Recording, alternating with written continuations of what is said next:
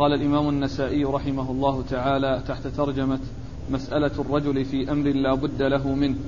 قال أخبرنا أحمد بن سليمان قال حدثنا مسكين بن بكير قال حدثنا الأوزاعي عن الزهري عن سعيد بن المسيب عن حكيم بن حزام رضي الله عنه أنه قال سألت رسول الله صلى الله عليه وآله وسلم فأعطاني ثم سألته فأعطاني ثم سألته فأعطاني. ثم قال رسول الله صلى الله عليه وآله وسلم يا حكيم إن هذا المال خضرة حلوة. من أخذه بسخاوة نفس بورك له فيه ومن أخذه بإشراف النفس لم يبارك له فيه.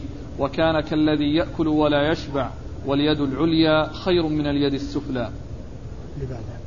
قال أخبرنا الربيع بن سليمان بن داود قال حدثنا إسحاق بن, بن بكر قال حدثنا أبي عن عمرو بن الحارث عن ابن شهاب عن عروة بن الزبير وسعيد بن المسيب أن حكيم بن حزام رضي الله عنه قال سألت رسول الله صلى الله عليه وآله وسلم فأعطاني ثم سألته فأعطاني ثم قال رسول الله صلى الله عليه وآله وسلم يا حكيم إن هذا المال حلوة إن هذا المال حلوة فمن أخذه بسخاوة نفس بورك له فيه ومن أخذه بإشراف نفس لم يبارك له فيه وكان كالذي يأكل ولا يشبع واليد العليا خير من اليد السفلى.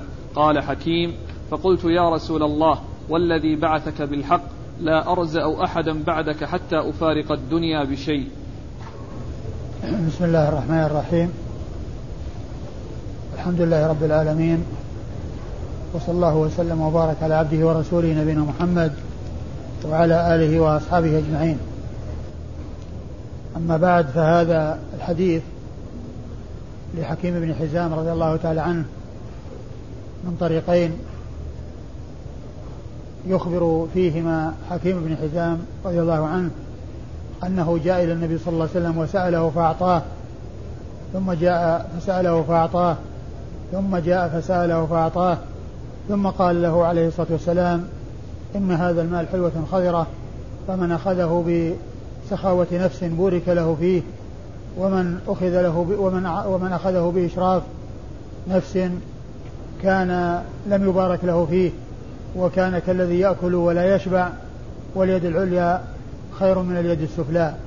وقال في الحديث الأخير أو الرواية الأخيرة آه، قال قال حكيم لرسول الله صلى الله عليه وسلم والذي بعثك بالحق لا أرزأ أحدا بعد بعد ذلك بشيء؟ بعدك حتى أفارق الدنيا بشيء. لا أرزأ أحدا بعدك حتى أفارق الدنيا بشيء. يعني لا أرزأ لا أرزأ أحدا بشيء يعني لا أنقصه بشيء حتى أفارق الدنيا.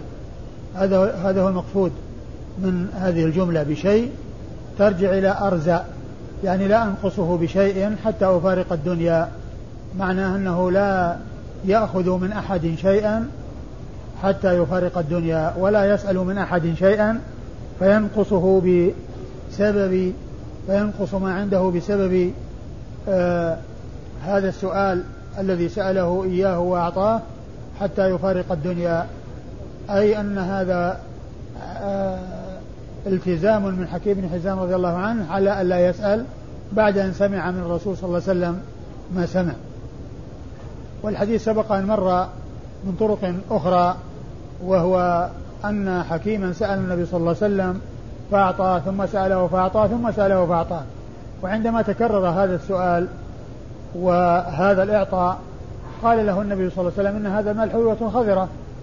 الإنسان الذي يريد أن آه، يفسح لنفسه المجال وأن آه، يتجه إلى تحصيل ذلك هو حلوة خضرة لكن ليس لا يكون محمودا أو وصوله إلى الإنسان محمودا دائما وأبدا بل إذا كان وصل إلى الإنسان بسخاوة نفس فإنه آه، يبارك له فيه ويستفيد من ذلك الذي وصل إليه وإن أخذه بإشراف نفس وهو التطلع والتعلق والسؤال والإلحاح والإلحاف وما إلى ذلك من الأشياء التي فيها تعلق النفس وتطلع النفس وإشراف النفس لم يبارك له فيه وكان كالذي يأكل ولا يشبع أي أنه يصل إليه المال ويكثر في يده ولكنه لا لا يستغني ولا يشعر بالغنى لأن لأنه يشبه الذي يأكل ولا يشبع. يعني كلما أكل فإنه لا يستفيد من ذلك الأكل فهو نهم على الأكل. شديد الحرص عليه وشهيته منفتحة دائما وأبدا ولكنه لا يشعر بالشبع ولا يشعر بالاستفادة من هذا الأكل الذي أكله فكان مثل هذا الذي يأكل ولا يشبع ذلك الرجل الذي يحرص على المال ويسأله ويسأل, ويسأل غيره للحصول عليه ويسعى للوصول إليه بأي طريق يعني سواء كانت مشروعة أو غير مشروعة فإنه يكون هذا شأنه ويكون هذا مثله. يعني كالذي يأكل ولا يشبع فإنه مع كثرة أكله لا يحصل الشبع وهذا مع كثرة ما يحصل من المال لا يشعر بالغنى. ثم قال عليه الصلاة والسلام واليد العليا خير من اليد السفلى. يعني كون الإنسان يكون معطيا خير من أن يكون منه سائلا. كون الإنسان يكون آه، مادا يده بأن يعطي خير من أن يمد يده سائلا آه، مستجديا يريد الحصول على الشيء من الغير. فهذا تنبيه من الرسول الكريم صلى الله عليه وسلم على أن يكون الإنسان معطيا وأن يكون الإنسان سخيا وأن تكون الإنسان وأن تكون يد الإنسان عليا. بكونها آه، تضع العطية في يد من يمد يده ومن يحتاج إلى العطاء فيكون العلو آه، حسيا ومعنويا. حسيا لأن يد المعطي فوق يد المعطى لأن هذا يمد يده رافعا إياها وهذا يمد يمد يده واضعا ما في يده في تلك الكف. المبسوطة لتأخذ. فهذا يعني يأتي من علو يعطي وهذا يأخذ من سفل ويمد يده ويده سفل. هذا علو معنوي. والعلو علو حسي. والعلو المعنوي هو أن المعطي آه، أرفع وأعلى من المعطى. فالعلو في الحديث هو علو معنوي وعلو حسي. ثم إن مجرد آه الوصف بالعلو والسفل يدل على تفضيل العلو على السفل. لأن كون اليد اليد كون يد موصوفة بأنها عليا ويد موصوفة بأنها سفلى لا شك أن العليا خير من السفلى. ولكن جاء ذكر الخيرية وذكر التفضيل يعني للتأكيد وبيان عظم شأن من تكون يده عالية حسا ومعنى على يد من كانت يده سافلة حسا ومعنى. ثم بعد أن سمع حكيم بن حزام رضي الله تعالى عنه وأرضاه من رسول الله صلى الله عليه وسلم ما سمع آلى على نفسه وحلف ألا يرزأ أحدا بشيء حتى يفارق الدنيا. يعني لا ينقص أحدا بشيء من المال ويكون سببا في نقص ما بيد ذلك المعطي حتى يفارق الدنيا. وذلك آه، أخذا واستنادا إلى ما أرشد إليه النبي صلى الله عليه وسلم من أن من يأخذ بإشراف لا يبارك له فيما يعطى إياه وأنه كالذي يأكل ولا يشبع. ومن أجل أيضا كون النبي صلى الله عليه وسلم وصف اليد, اليد العليا بأن بأنها قال عن اليد العليا بأنها خير من اليد السفلى واليد العليا هي المعطية واليد السفلى هي الآخذة. كما جاء ذلك مفسرا عن رسول الله صلى الله عليه وسلم. وأما الإسنادان فيقول النسائي في الإسناد الأول أخبرنا أحمد بن سليمان. أخبرنا أحمد بن سليمان الرهاوي وهو ثقة أخرج له النسائي وحده. عن مسكين بن بكير. عن عن مسكين بن بكير وهو صدوق أخرج له. صدوق ولا ثقة؟ صدوق يخطئ. صدوق يخطئ أخرج له البخاري ومسلم وأبو داود والنسائي. أخرج له البخاري ومسلم وأبو داود والنسائي. عن الأوزاعي. عن الأوزاعي وهو عبد الرحمن بن عمرو. أبو عمرو. الأوزاعي فقيه الشام ومحدثها ثقة إمام. أخرج له أصحاب الكتب الستة. عن الزهري. عن الزهري محمد بن مسلم بن عبيد الله بن شهاب الزهري. ثقة فقيه من صغر التابعين. مكثر من رواية حديث رسول الله عليه الصلاة والسلام. وحديثه أخرجه أصحاب الكتب الستة. عن سعيد بن المسيب. عن سعيد بن المسيب آه وهو من فقهاء المدينة السبعة في عصر التابعين وهو ثقة فقيه أخرج حديثه أصحاب الكتب الستة. عن حكيم بن حزام. عن حكيم بن حزام صاحب رسول الله صلى الله عليه وسلم وهو صحابي جليل أخرج حديثه أصحاب الكتب الستة وهو من المعمرين عمر مئة وعشرين سنة ستين ستون سنة في الجاهلية وستون في الإسلام. ويقال إن مثله في ذلك حسان بن ثابت رضي الله عنه وحويطب بن عبد العزى. هؤلاء كل واحد منهم عمر مئة وعشرين سنة. الإسناد الثاني قال أخبرني الربيع بن سليمان بن داود. والإسناد الثاني يقول أخبرنا الربيع بن سليمان بن داود وهو الجيزي. هذا هناك الربيع بن سليمان بن عبد الجبار المرادي وهذا الربيع بن سليمان بن داود الجيزي المصري وكل منهما مصري هما مصريان. والأول هو صاحب الشافعي الذي هو المرادي. وأما هذا فهو الربيع بن سليمان بن داود وهو ثقة أخرج حديثه أبو داود والنسائي. عن إسحاق بن بكر. عن إسحاق بن بكر بن مضر. عن إسحاق بن بكر بن مضر وهو ثقة أخرج حديثه مسلم والنسائي. وهو صدوق صدوق؟ نعم. صدوق أخرج حديثه مسلم والنسائي. عن أبيه بكر بن مضر وهو ثقة أخرج حديثه أصحاب الكتب الستة إلا ابن ماجه. عن عمرو بن الحارث. عن عمرو بن الحارث المصري وهو ثقة أخرج له أصحاب الكتب الستة. عن ابن شهاب. عن ابن شهاب هو محمد بن مسلم ابن عبيد الله وقد مر ذكره.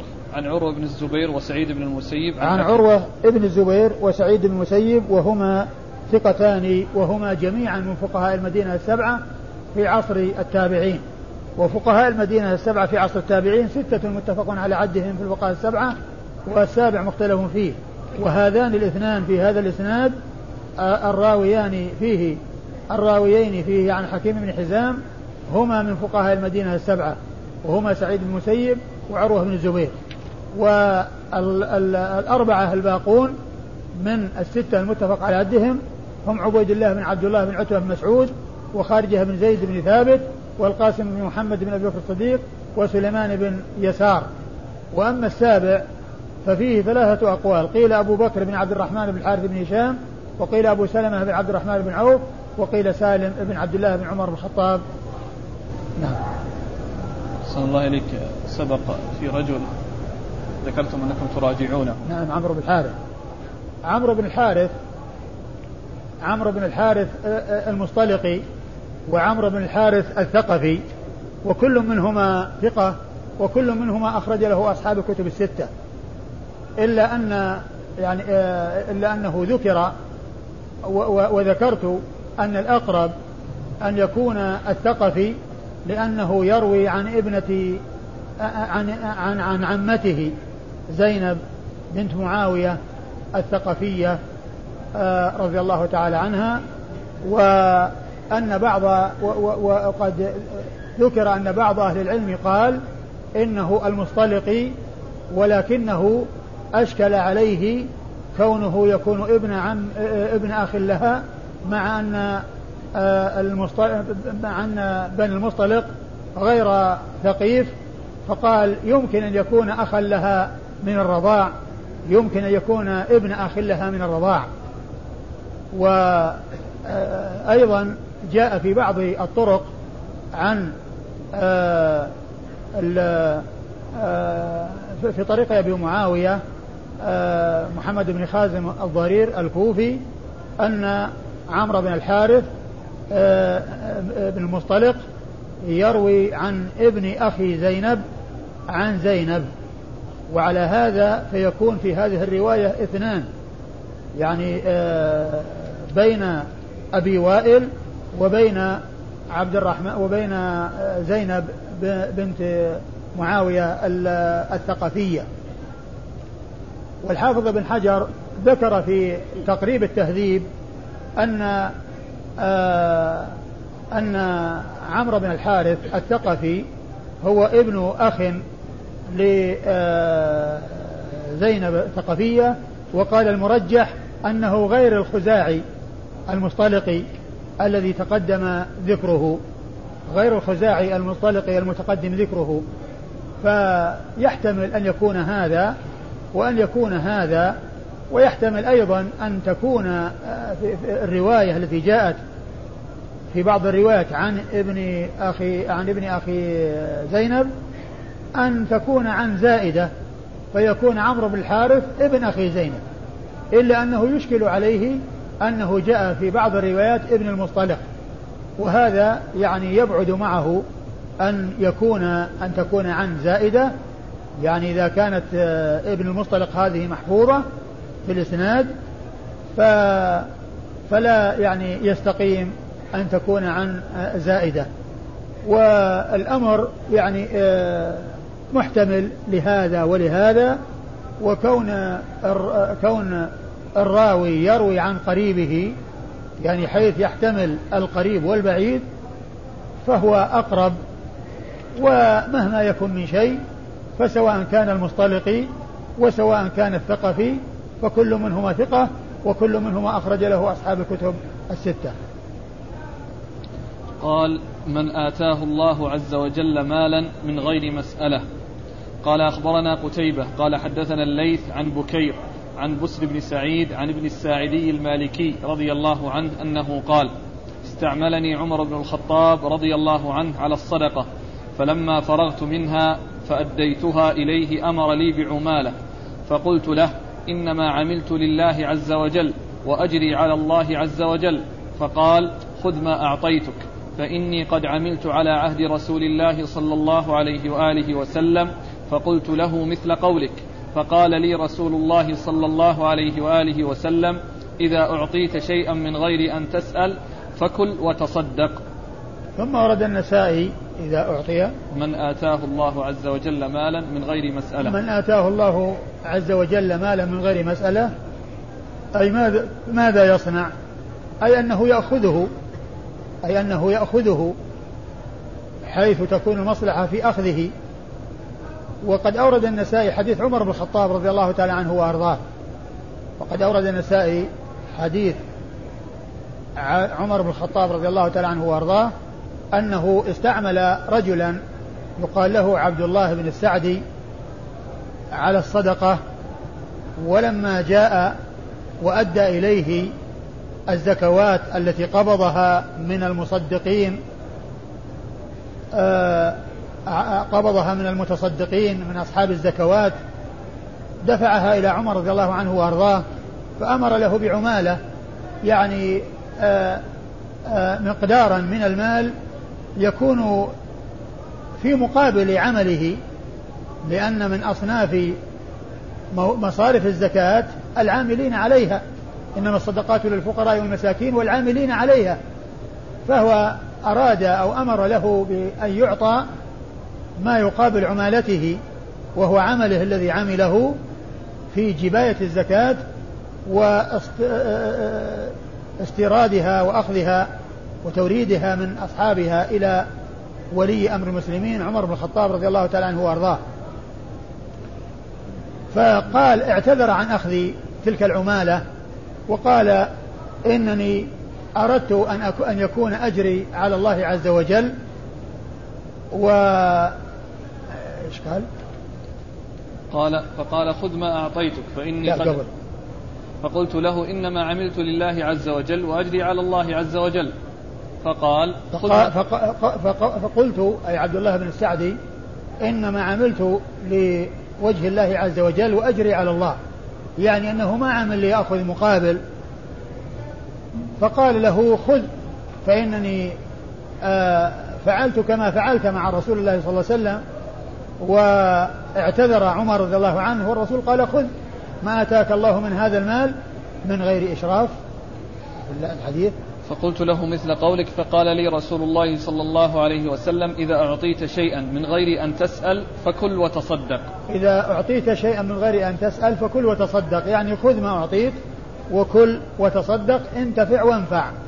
انتفع في نفسك وانفع غيرك. كل يعني نفع الإنسان نفسه وتصدق ينفع غيره. وهذا الحديث يدل على أن الإنسان إذا عمل عملا يريد به وجه الله عز وجل ثم حصل له مع ذلك شيء من الدنيا فإن فإنه لا ينقص أجره وثوابه عند الله عز وجل ولا يبطل ولا يكون عوضا عن الثواب بل هذا ثواب بل هذا من جملة الثواب. فيكون هذا من الثواب المعجل. هذا من الثواب المعجل. يعني وهذا مثل الإنسان الذي يعمل لعمل من الأعمال التي هي قربة وطاعة لله عز وجل كأن يكون الإنسان إماما أو مؤذنا أو مدرسا للقرآن أو ما إلى ذلك ثم يعطى من بيت المال شيء. فإن هذا لا يسقط أجره وثوابه عند الله عز وجل. ما دام أنه أراد الخير وما دام أنه نوى الخير ولكل امرئ ما نوى فيكون هذا من الثواب المعجل الذي يعجله الله عز وجل للإنسان في الدنيا قبل الآخرة ولا ينقص أجره عند الله عز وجل في الدار الآخرة.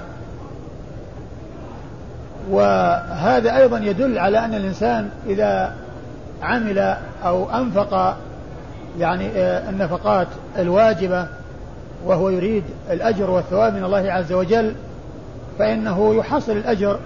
وإن كان ذلك أمرا متحتما عليه وأمرا لازما عليه كما سبق أن مر بنا إذا إذا أنفق الرجل على أهله نفقة يحتسبها فهي صدقة.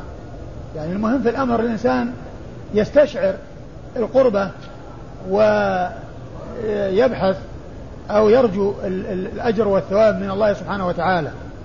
فلا يضيره بعد ذلك كونه يحصل شيئا من الدنيا بسبب هذا العمل الذي عمله لأن هذا كما قلت يكون من الثواب المعجل ولكن في المهم, المهم في الأمر أن يكون الإنسان عنده القصد الحسن والنية الطيبة وإرادة وجه الله عز وجل والدار الآخرة. قال أخبرنا قتيبة أخبرنا قتيبة هو بن سعيد بن جميل بن طريف البغلاني ثقة ثبت أخرج له أصحاب الكتب الستة. عن الليث. عن الليث بن سعد المصري ثقة فقيه أخرج له أصحاب الكتب الستة. عن بكير. عن بكير ابن عبد الله بن الأشج المصري وهو ثقة أخرج له أصحاب الكتب الستة. عن بسر بن سعيد. عن بسر بن سعيد وهو ثقة أخرج له أصحاب الكتب. وهو ثقة أخرج له أصحاب الكتب الستة. عن ابن الساعد المالكي. عن ابن الساعد المالكي وهذا في رواية الليث الساعدي وفي رواية غيره السعدي كما سيأتي في الروايات وكما جاء عند غير النسائي أيضا وجاء تسميته أيضا في بعض الروايات عبد الله بن السعدي. عبد الله بن السعدي وهو صحابي أخرج له البخاري ومسلم وأبو داود والنسائي. عن عمر رضي الله عنه. عن عمر بن الخطاب رضي الله تعالى عنه وأرضاه أمير المؤمنين وثاني الخلفاء الراشدين الهادين المهديين صاحب المناقب الجمة والفضائل العظيمة والمناقب الحميدة والذي آه، فتح الله تعالى في مدة خلافته الفتوح وقضي على الدولتين العظميين في ذلك الزمان دولة فارس والروم وأنفقت كنوز كسرى وقيصر في سبيل الله على يد الفاروق كما أخبر بذلك الصادق المصدوق صلوات الله وسلامه وبركاته عليه.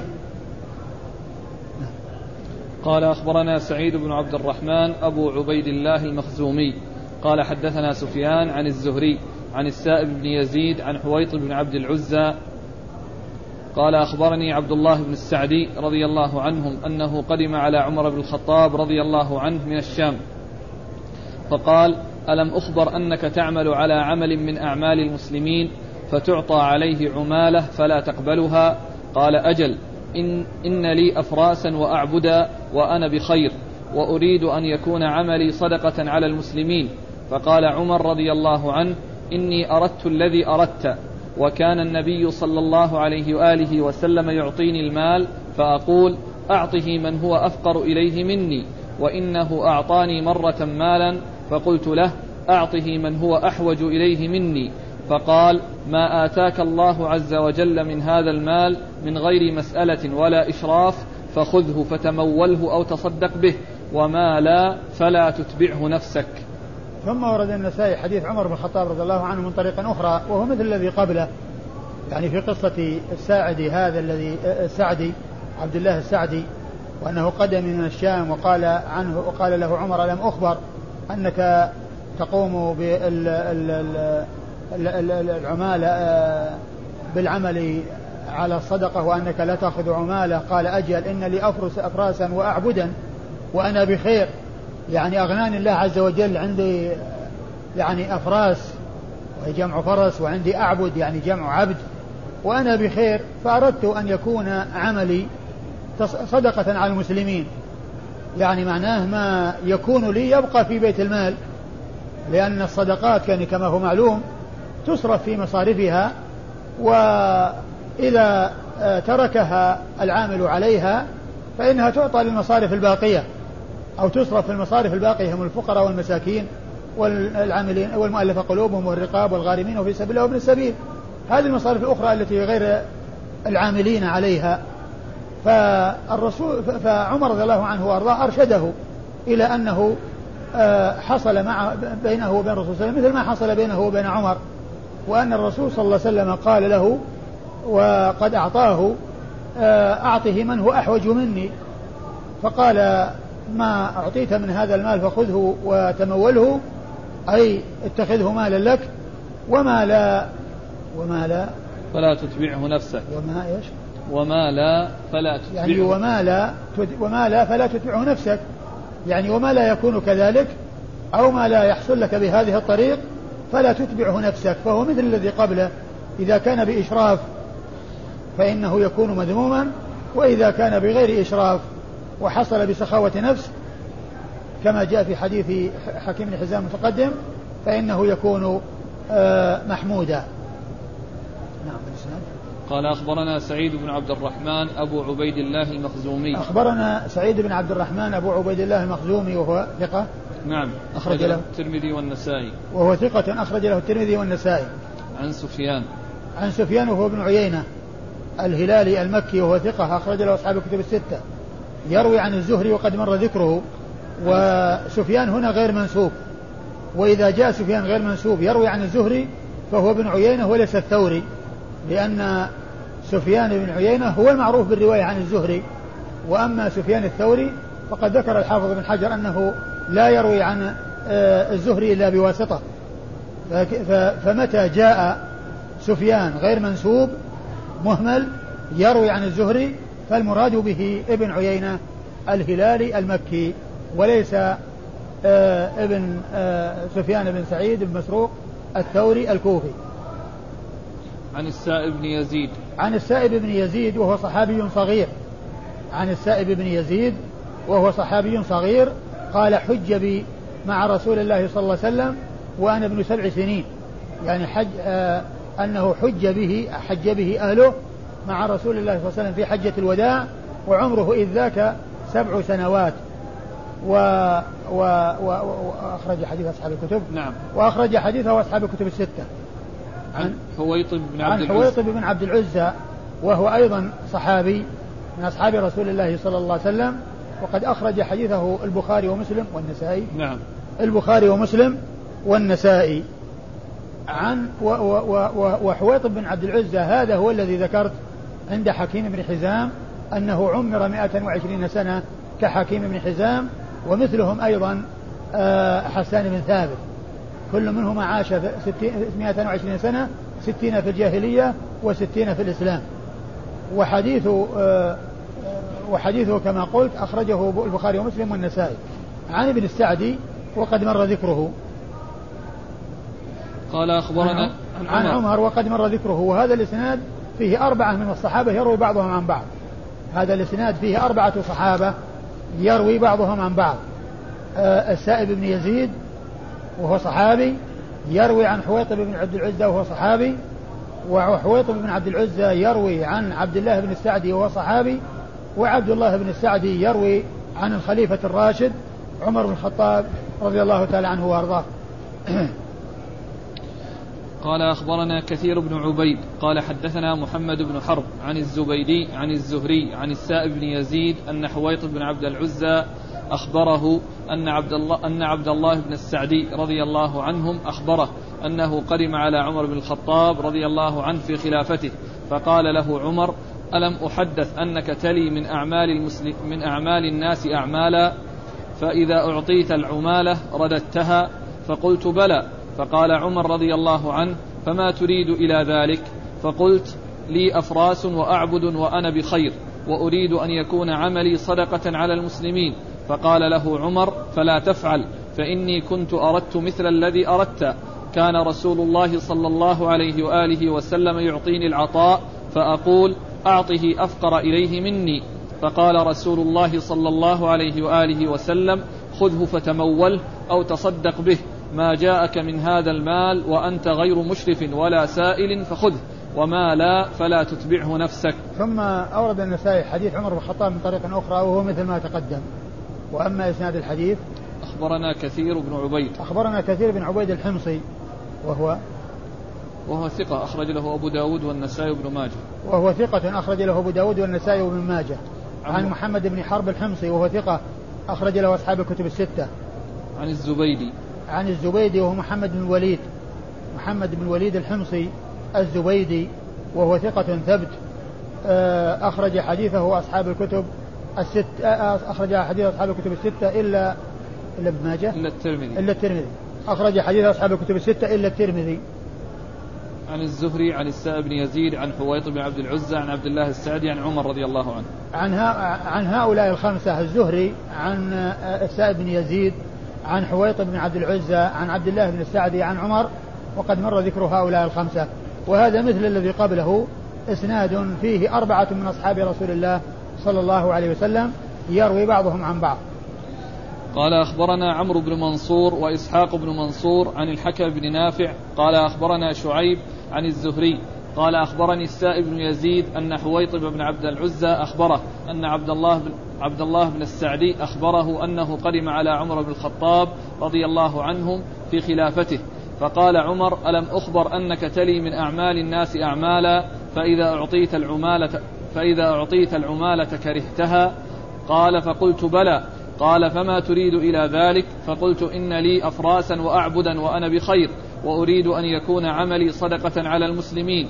فقال عمر فلا تفعل فإني كنت أردت الذي أردت. فكان النبي صلى الله عليه وآله وسلم يعطيني العطاء فأقول أعطه أفقر إليه مني حتى أعطاني مرة مالا فقلت أعطه أفقر إليه مني.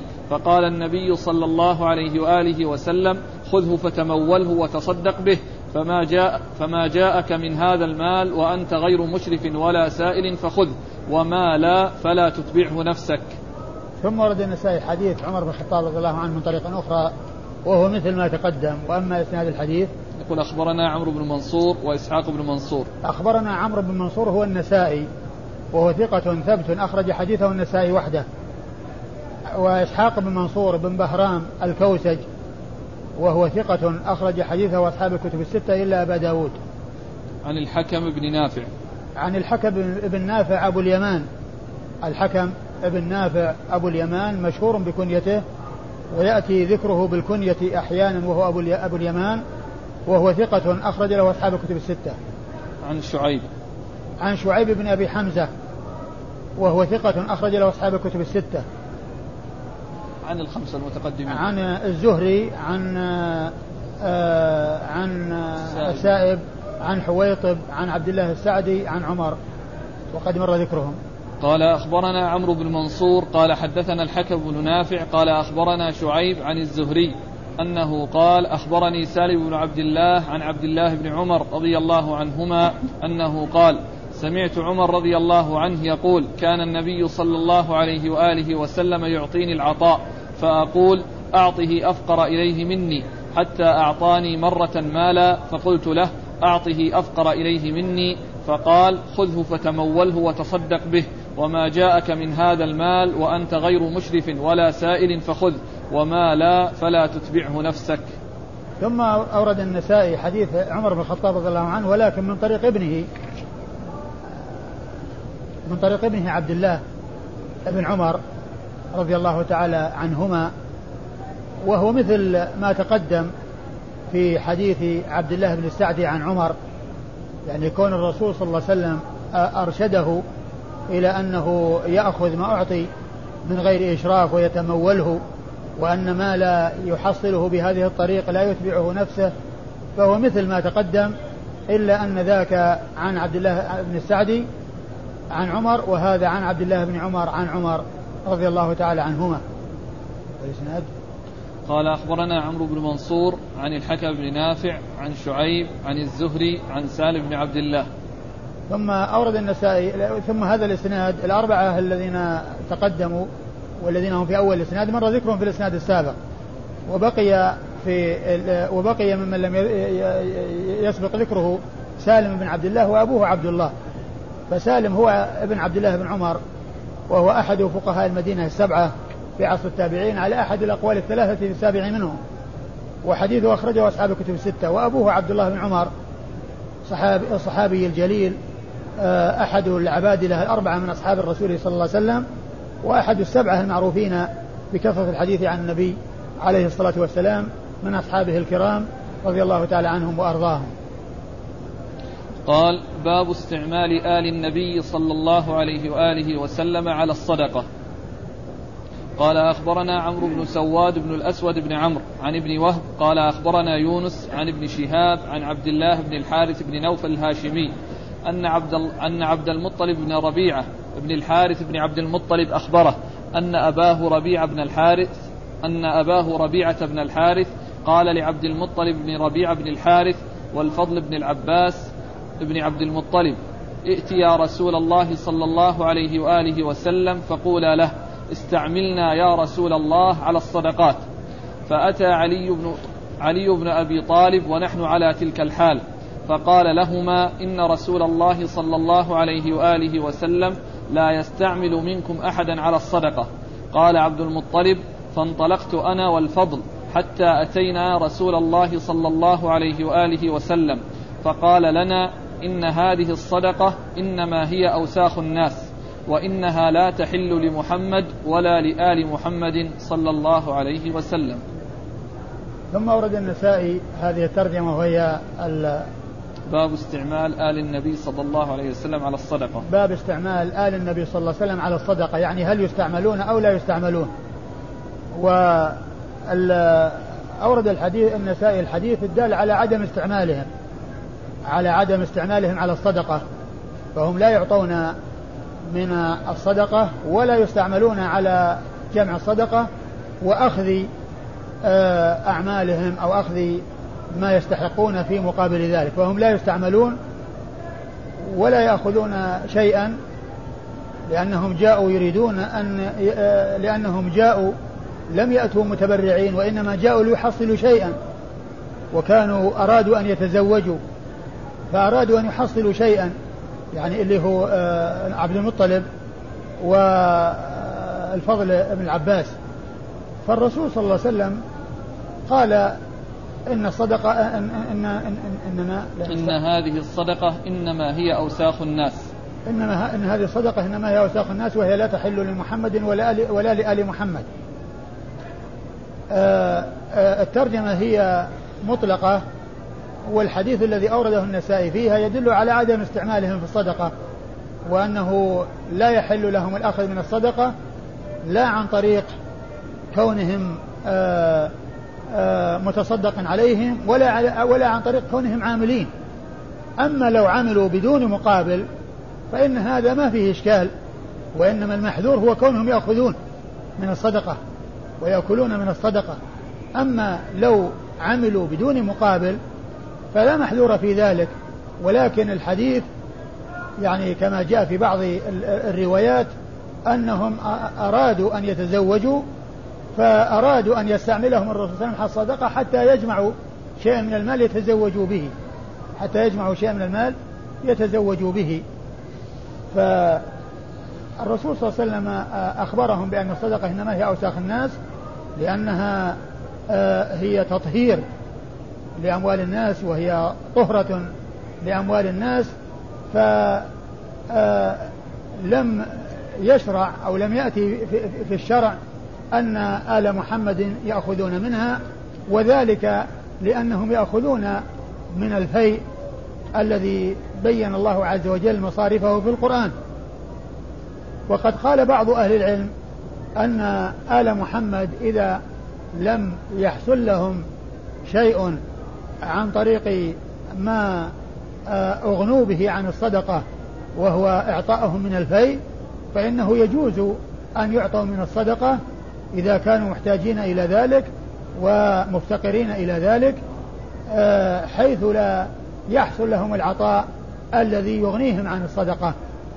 أما إذا حصل لهم العطاء الذي يغنيهم عن الصدقة فالأمر كما جاء عن النبي صلى الله عليه وسلم لا تحل الصدقة لهم. ومن جاء عنه أنه يقول إنهم إذا لم يحصلوا آه، أو يحصل لهم آه، آه، الشيء عن طريق الفيء وعن طريق ما يعطونه من الخمس فإنهم يحل أو يجوز أن يأخذوا من الصدقة حيث كانوا مضطرين إليها ومحتاجين إليها. قال أخبرنا عمرو بن سواد بن الأسود بن عمرو. أخبرنا عمرو بن سواد بن الأسود بن عمرو وهو ثقة أخرج حديثه آه، مسلم والنسائي وابن ماجه. نعم. مسلم والنسائي وابن ماجه. عن ابن وهب. عن ابن وهب عبد الله بن وهب المصري وهو ثقة فقيه أخرج حديثه أصحاب الكتب الستة. عن يونس. عن يونس وهو ابن يزيد الأيلي ثم المصري وهو ثقة أخرج له أصحاب الكتب الستة. عن ابن شهاب عن عبد الله بن الحارث بن النوفل. عن ابن شهاب وقد مر ذكره. عن عبد الله بن الحارث بن نوفل ابن الحارث بن عبد المطلب و وهو ثقة أخرج أصحاب الكتب. ذكروا أنه له رؤية. نعم ذكر أن له رؤية وقال وقيل أجمعوا على توثيقه.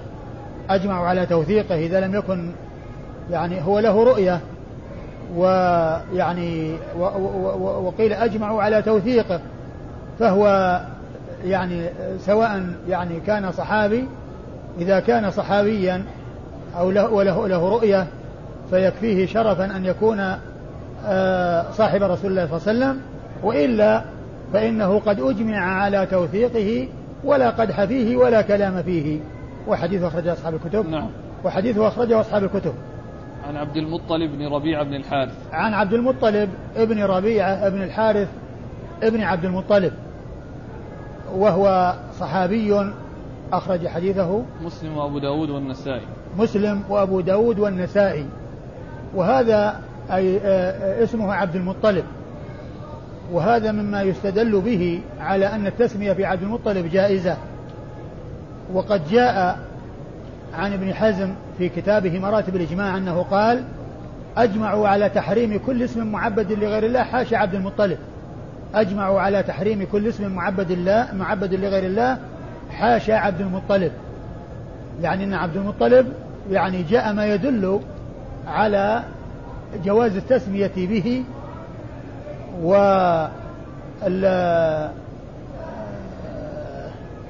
ومن ذا والدليل على على الجواز أن عبد المطلب هذا لم يغير اسمه رسول الله صلى الله عليه وسلم. عبد المطلب بن الحارث بن ربيعة بن الحارث بن نوفل. هذا الصحابي لم يغير اسمه مع أنه غير أسماء. أشخاص كانوا معبدين لغير الله لما أسلموا. ولهذا قالوا أن التعبيد بعبد المطلب أنه جائز لأن النبي عليه الصلاة والسلام أقر من كان مسمى بهذا الاسم وهو عبد المطلب. أما أبوه عبد المطلب ف يعني آه فهو محمد بن عبد الله بن عبد المطلب وهذا في النسب. يعني آه وإنما الكلام في الشيء الذي يمكن أن يغير وهو أنه من أصحاب الرسول صلى الله عليه وسلم وهو موجود ويسمى بهذا الاسم وليس شخصا قد مضى ويعني تقادم عهده ولكنه شخص موجود من أصحاب الرسول صلى الله عليه وسلم ومع ذلك لم يغير اسمه. ولهذا قال ابن حزم أجمعوا على تحريم كل اسم معبد لغير الله حاشا عبد المطلب. ومن العلماء من يمنع أيضا التسمية بعبد المطلب ولا يستثني شيئا. لكن كون الرسول صلى الله عليه وسلم آه لم يغير اسم هذا الرجل الصحابي الذي معنا في الإسناد وهو عبد المطلب بن ربيعة بن الحارث بن عبد المطلب آه قالوا هذا يدل أو إقرار الرسول صلى الله عليه وسلم وإبقاءه على تسميته وعدم تغييره يدل على جواز التسمية بهذا الاسم الذي هو عبد المطلب. آه الإسناد ينتهي عند هذا. أما الباقون الذين جاء ذكرهم في الإسناد فما يعني لهم علاقة في الحديث لأن عبد المطلب ذهب إلى الرسول صلى الله عليه وسلم ومعه معه الفضل بن العباس وقال لهم الرسول ما قال وهو حدث بهذا الحديث الذي هو عبد المطلب ورواه عنه آه، عبد الله؟ نعم عبد الله, عبد الله بن الحارث بن نوفل. عبد الله بن الحارث بن نوفل ابن الحارث بن عبد المطلب. إذا آه، أبوه ربيعة آه، طلب منه أي من ابنه عبد المطلب أن يذهب هو الفضل إلى الرسول صلى الله عليه وسلم ويطلبان منه أن يوليهما على آه، جباية الزكاة ليحصل شيئا يتزوجان به.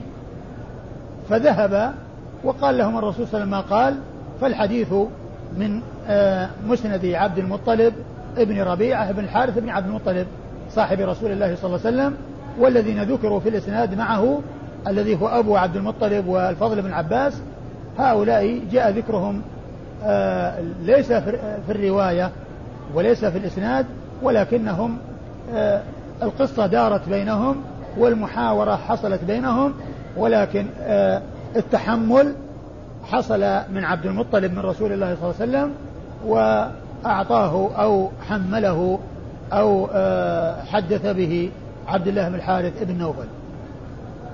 أيوة. باب ابن أخت القوم منهم.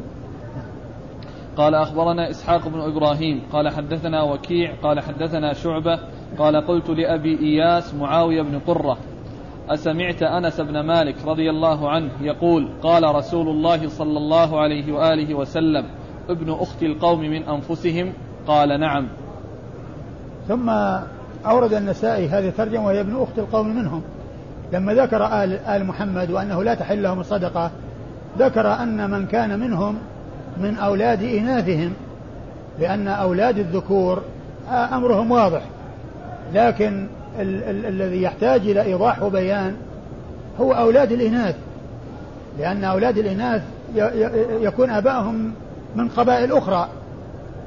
يعني من قبائل أخرى غير غير آل محمد عليه الصلاة والسلام. فابن أخت النبي صلى الله عليه وسلم قال ابن أخت القوم منهم يعني أن المرأة التي هي من آل البيت ولدها أيضا يكون من آل البيت تبعا لها. فلا تحل له الصدقة فلا تحل له الصدقة كما لا تحل لأمه. كما لا تحل لأمه. وهذا المقصود من آه هذه الترجمة ابن أخت القوم منهم. يعني أنه منسوب إليهم. وهو يعني آه، آه، يدخلون في نسبه لكن من من جهة الأمهات من جهة الأم. وأما من حيث النسب فهو للآباء ولا شك في دخول أبناء أبناء الرجال من أهل البيت ولكن أبناء الإناث الذين آباؤهم من قبائل أخرى. جاء الحديث دالا على دخولهم وأن ابن أخت القوم منهم ولو كان أبوه أجنبيا من تلك القبيلة يعني كما يقول الشاعر بنونا بنو أبنائنا وبناتنا أبناؤهن أبناء الرجال الأباعد. بنونا بنو أبنائنا لأن الإنسان في سلسلة النسب فلان ابن فلان ابن فلان. لكن ابن البنت ينسب إلى أبيه إلى في قبيلة أخرى. بنونا بنو أبنائنا وبناتنا أبناؤهن أبناء الرجال الأباعد. أبناؤهن أبناء الرجال أبناء قبيلة أخرى. و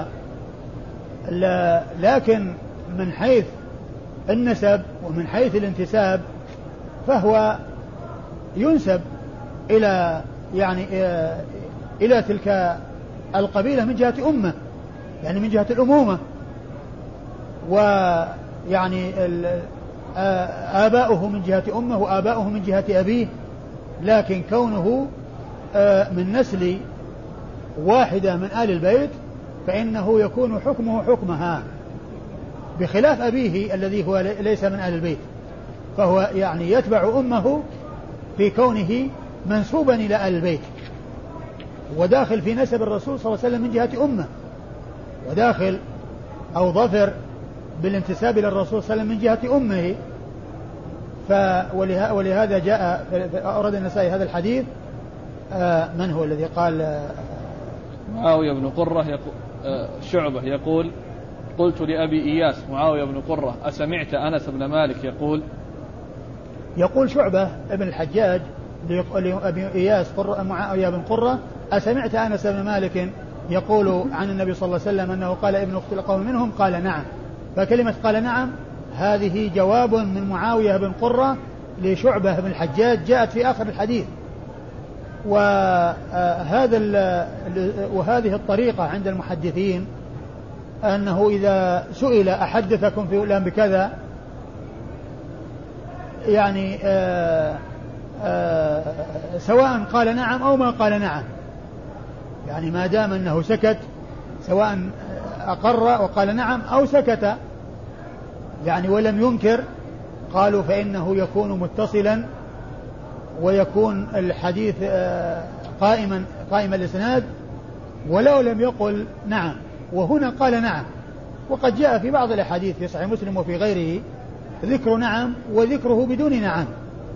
ولهذا آه فإذا جاء مثل هذا هذه الصيغة فإن الحديث متصل.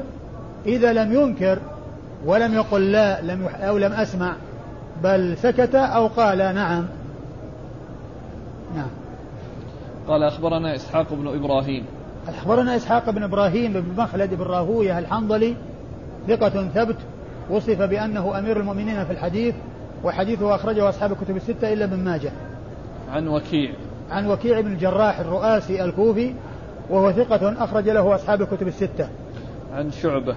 عن شعبة بن الحجاج الواسطي ثم البصري وهو ثقة ثبت وصف بأنه أمير المؤمنين في الحديث وحديثه أخرجه أصحاب الكتب الستة. عن معاوية بن قرة. عن معاوية بن قرة أبو إياس وهو ثقة أخرج له أصحاب الكتب الستة. عن أنس. عن أنس بن مالك رضي الله عنه صاحب رسول الله صلى الله عليه وسلم وخادمه وأحد السبعة المعروفين بكثرة الحديث عن النبي صلى الله عليه وسلم وهذا الإسناد فيه اثنان وصف كل منهما بأنه أمير المؤمنين في الحديث وهما إسحاق بن راهوية وشعبة ابن الحجاج قال أخبرنا إسحاق بن إبراهيم قال أخبرنا وكيع قال حدثنا شعبة عن قتادة عن أنس بن مالك رضي الله عنه عن رسول الله صلى الله عليه وآله وسلم أنه قال ابن أخت القوم منهم. ثم ورد النسائي حديث أنس بن مالك من طريق أخرى وهو مثل ما تقدم. وأما إسناد الحديث فيقول النسائي أخبرنا إسحاق بن إبراهيم عن وكيع عن شعبة عن قتادة. آه الثلاثة الأولون وهم آه إسحاق بن إبراهيم ووكيع وشعبة مر ذكرهم في الإسناد السابق. وأما قتادة فهو من دعامة السدوسي البصري وهو ثقة أخرج حديثه وأصحاب الكتب الستة. عن أنس. عن أنس بن مالك وقد مر ذكره. قال باب مولى القوم منهم. قال أخبرنا عمرو بن علي قال حدثنا يحيى قال حدثنا شعبة قال حدثنا الحكم عن ابن أبي رافع عن أبيه رضي الله عنه أن رسول الله صلى الله عليه وآله وسلم استعمل رجلا من بني مخزوم على الصدقة فأراد أبو رافع أن يتبعه فقال رسول الله صلى الله عليه وآله وسلم إن الصدقة لا تحل لنا وإن مولى القوم منهم. ثم ورد النسائي هذه الترجمة وهي مولى القوم منهم. يعني من يكون آه، مولا لقوم أي عتيقا لقوم فإنه يكون منهم ويكون حكمه حكمهم من حيث أنه لا تحل له الصدقة لا تحل له الصدقة كما تحل لآل محمد فلا تحل لأولى لمولى آل محمد. وكذلك الذي تقدم ابن أخت القوم منهم. يعني آه، هو تبعهم لا تحل له صدقة ومولى القوم منهم فإنه لا تحل له الصدقة وقد أورد النسائي حديث أبي رافع مولى رسول الله صلى الله عليه وسلم وأن الرجل الرسول صلى الله عليه وسلم استعمل رجلا بني مخزوم على الصدقة فأراد أبو رافع أن يتبعه فقال إنك إنك فقال الرسول صلى الله عليه وسلم إن الصدقة لا تحل لنا. إن الصدقة لا تحل لنا وإن مولى القوم منهم. يعني وأنت مولا لنا فأنت منا. يعني فلا تحل لك الصدقة. والإسناد؟ قال أخبرنا عمرو بن علي. أخبرنا عمرو بن علي هو الفلاس ثقة ناقد أخرج له أصحاب الكتب الستة بل هو شيخ لأصحاب الكتب الستة روى عنه مباشرة وبدون واسطة. عن يحيى. عن يحيى بن سعيد القطان ثقة ناقد أخرج له أصحاب الكتب الستة. عن شعبة عن الحكم. عن شعبة وقد مر ذكره عن الحكم بن عتيبة الكندي وهو ثقة أخرج له أصحاب الكتب الستة. عن ابن أبي رافع. عن ابن أبي رافع وهو عبيد الله بن أبي رافع. عبيد الله بن أبي رافع وهو ثقة أخرج حديثه أصحاب الكتب الستة. عن أبي عن أبيه أبي أبو رافع أبيه أبي رافع آه، مولى رسول الله صلى الله عليه وسلم وحديثه أخرجه أصحاب الكتب الستة. والله تعالى أعلم وصلى الله وسلم وبارك على عبده ورسوله نبينا محمد وعلى آله وأصحابه أجمعين.